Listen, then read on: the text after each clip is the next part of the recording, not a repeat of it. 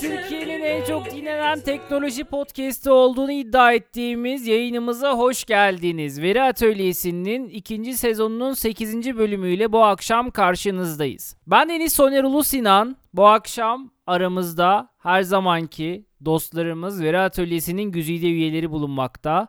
Öncelikle merhabalar Beçan Bey. Merhabalar Soner Bey. Nasılsınız? Sağ olun efendim siz. Muazzamız. Dilek Hanım hoş geldiniz. Hoş bulduk, merhaba. Nasılsınız? Teşekkür ederim. Sen nasılsın? Ben de iyiyim. Bu akşamki yayınımız için muazzam bir konuyla karşı karşıyayız. İsterseniz ikinci sezon 8. bölümümüzde bu konudan başlayalım yavaş yavaş. Pat diye konuya dalalım istiyorum. Ne dersiniz? Benim için uygun. Uygun onaylıyorum. Çok teşekkürler. Evet. evet. Süreçlerimiz var bundan sonra evet. Onay İki onay gerekiyor minimum. sonra, iki onay aldıktan sonra başlayabiliriz. Bu akşamki konumuz nedir Dilek Hanım? Bu akşamki konumuz çok eğlenceli bir şey. Ne? İkizler.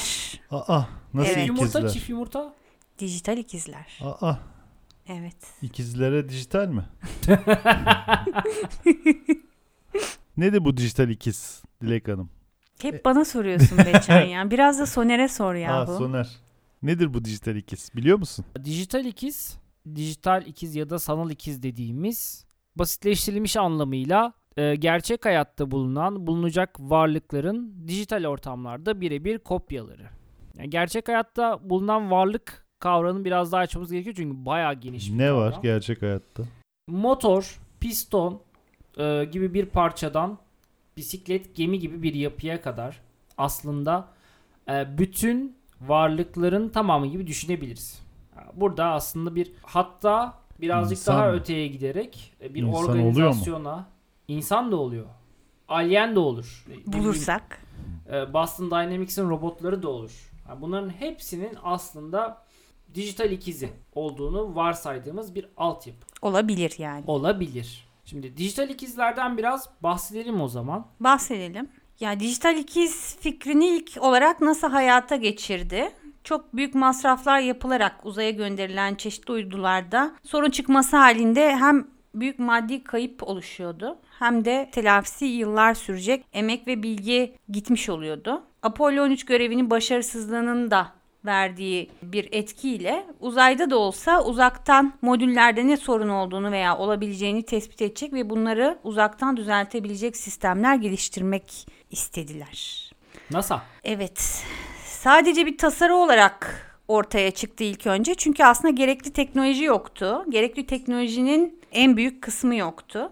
Bu gerekli teknoloji de nedir? Aslında bir bölümümüzde de ondan biraz daha detaylı bahsedelim bence. Çok tanıdık bir teknoloji. IoT, nesnelerin interneti gerekli Be- olan 5G'de de teknoloji. bahsetmiştik 5G'de bu de konuda. bahsetmiştik. Onunla ilgili bölüm çekeceğiz demiştik. Söz verip verip çekmiyoruz. Farkındayım bunun.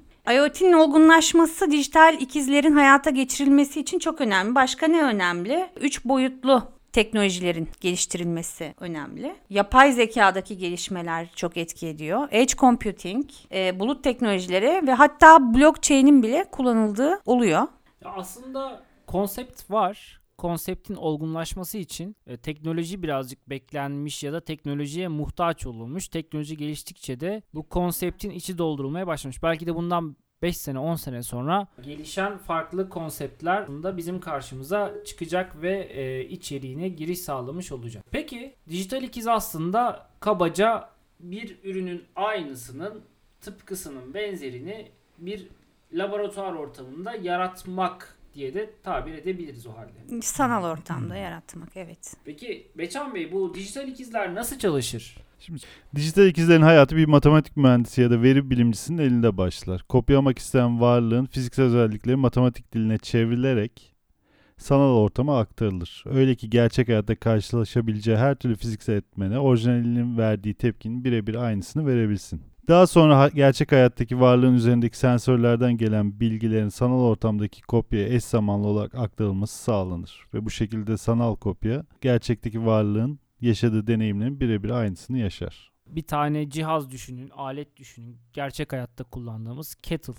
Kettle'ın üzerindeki sensörlerle e, kettle'ın bir tane klonu oluşturuluyor bir ortamda, uzak bir ortamda ve kettle'ın ne kadar sürede çalıştığı, ne kadar elektrik tükettiği gibi e, verileri toplayıp aslında bunu ileri analitikle analiz etmemizi sağlıyor. Diyebiliriz evet kesinlikle. Her şeyin bir dijital ikizi olabilir. Burada tabii kullanılan sensör sayısı, çeşitliliği aslında hepsi kullanım amacı ile belirlenecektir. Yani Evet. sizin öncelikle dijital ikizi kullanmanız için amacınızın da hepsinde bütün ürünlerde olduğu gibi bir amaç belirleyip burada da o amaç üzerinde ilerlemeniz gerekiyor. Evet, dijital ikizler çok basit de olabilirler, çok komplike de olabilirler. Dijital ikizlere sensörlerden verinin aktarımı için de edge ve bulut teknolojileri kullanılıyor. Ve verinin yo- yorumlanıp da doğru etkinin ikizin üzerine yansıtılması için de yapay zeka kullanılıyor. Peki nasıl bir faydası var dijital ikizin bize? Ne işe yararlar? Nasıl bir faydada bulunurlar? Hani o kadar sensör mensör koyduk da yani.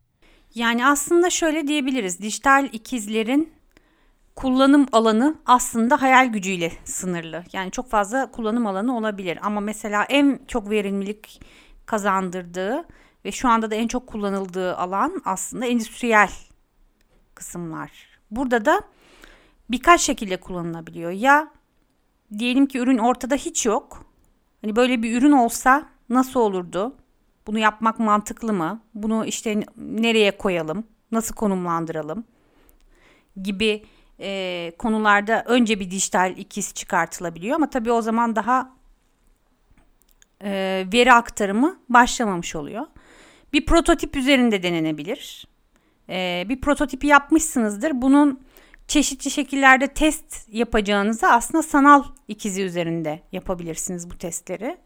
Ve e, hem çok daha hızlı hem de üretimi aksatmadan e, sonuçları görebilirsiniz.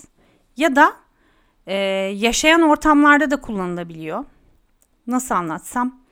E, örneğin rüzgar türbinleri. Koydunuz rüzgar tür- türbinini. Dağın başına tepeye Dağın başına koyduk. koydunuz. Daha da farklı gittiniz. Ee, İspanya'ya koydunuz mesela ya da farklı bir ülkeye koydunuz. Ee, yani sürekli acaba bir şey var mı diye denetlemeye onun yanına mı gideceksiniz, geleceksiniz? Hayır, ne yapacaksınız? Dijital ikizini açacaksınız, bakacaksınız nasıl gidiyor her şey, verimliliği nasıl, bir sorun var mı? Bir e, soruna yol açabilecek herhangi bir veri var mı? Bunu çok rahatlıkla dijital ikizler üzerinden takip edebiliyorsunuz. Burada hem sorunun tespitini hem düzeltilmesini sağla- sağlıyor rüzgar enerjisinde. Üretilmiş ya da hayat e, çalışan varlıklarla, eşyalarla ilgili henüz ortaya çıkmadan ve fiziksel olarak da yanında bulunmadan e, sorunun tespitini ve düzeltilmesini sağlıyor dedik. Ya evet ya da şöyle bir şey olabiliyor. Gerçekten çok fiziksel olarak yanına gidilmesi gereken bir durumsa e, da mesela oradaki lokal kişilerle iletişiminin yani sorunun direkt tespitiyle, raporuyla birlikte göndererek oradan hemen hallettirilebiliyor yani.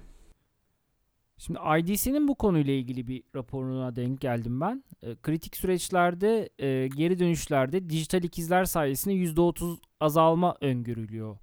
E, bu çok önemli bir avantaj ki kritik süreçlerde örneğin işte rüzgar değirmeninin işte tribüninin e, bozulması ya da işte pervanesinin e, yağının bozulması, akması işte Gartner da verimlilikte bu konuyla ilgili %10 artış tahminliyor dijital ikizler sayesinde. Hatta Bitcoin ise daha da ileri giderek 2025 yılına kadar devreye alınmış ikiz başına ortalama 78 milyar avro ekonomik potansiyel ortaya çıkacağını ileri sürüyor. Sanki biraz abartı gibi geldi rakam bana ama. Ya aslında şöyle bir şey gerçekten e, endüstriyel alanda o kadar çok kayıp oluyor ki. Bununla ilgili aslında birçok örnek hani birebir araştırmada karşımıza çıkmamış olsa da aklımıza gelebilir. Mesela e, Samsung'un bir telefonları vardı patlayıp duruyordu hatırlıyor musunuz? Geri topladılar S9 sonra. muydu? S8 Evet. miydi? Mesela onların bir dijital TV'ni olsaydı o esnada hani bu kadar çok maliyet, bu kadar çok şey ve müşteri memnuniyetsizliği, geri toplama vesaire durumu olmadan aslında bunu rahatlıkla çözebiliyor olurlardı. O çok büyük bir şeydi ya. Nedir o? Ee, rezillik mi desek artık. E, uçaklarda da var. Bu Boeing'in 737 Max'i mi vardı? İşte kalkarken bir algoritma otomatik olarak havalanıyor yanlış çalıştığı için ve bu yüzden de uçak çok fazla burnunu dikelttiğinden dolayı uçağın düşmesine sebep oluyordu. Yani her bir uçağın aslında bir dijital ikizi olsaydı ki bu kadar yüksek maliyetli şeylerde dijital ikiz olması hiç de zor olmayacaktır. O sırada çıkan alınan aksiyon ve çıkan sorunun ne olduğu rahatlıkla tespit edilebilirdi. Hı hı. Uçak Ve- yani bu insan Evet, taşıyor. aynen öyle. Yani bu bu yanlış bir fikir değil bu arada ya da uzak olacak bir şey değil. Çünkü mesela Tesla piyasaya sürdüğü her araç için, her araba için bir dijital ikiz oluşturmuş. Şu anda hepsinin bir e, dijital ikizi var. Ve orada ortaya çıkabilecek her türlü sorunu sadece sorun olarak düşünmeyin. Her türlü veriyi alıyor adamlar ve bir sonraki üretimi için de bu faydalı. Düşünsenize yani e, kendi kendine laboratuvar ortamında bir takım bilgileri oluşturmaya çalışmaktansa gerçek hayattan bu bilgileri toplayarak bir sonraki versiyon tasarlıyor adamlar. Aslında tam olarak oraya gelecektim. Şimdi laboratuvar ortamında simülasyon yapıyorlar. Sonuçta test edilmeden hiçbir araç trafiğe çıkmıyor. Ee, dijital ikizin simülasyondan farkı nasıl bir şey oluyor o halde? Bu soru benim de aklıma geldi. Araştırdım bunu. Sadece simülasyon değil mesela sanal gerçeklikten farkı da nedir diye insan merak edebiliyor. Şöyle bakmak lazım olaya. Dijital ikiz tek bir teknoloji değil aslında. Birden fazla teknolojiyi ve süreci içeren bir kavram. Biraz önce de bahsettiğimiz gibi. E, ve bu kapsam içerisinde aslında evet simülasyon ağırlıklı bir yer tutuyor. Var yani bu simülasyonu kapsıyor. Fakat dijital ikiz dediğimiz şey simülasyondan ibaret değil. Bunun çok ötesine geçiyor.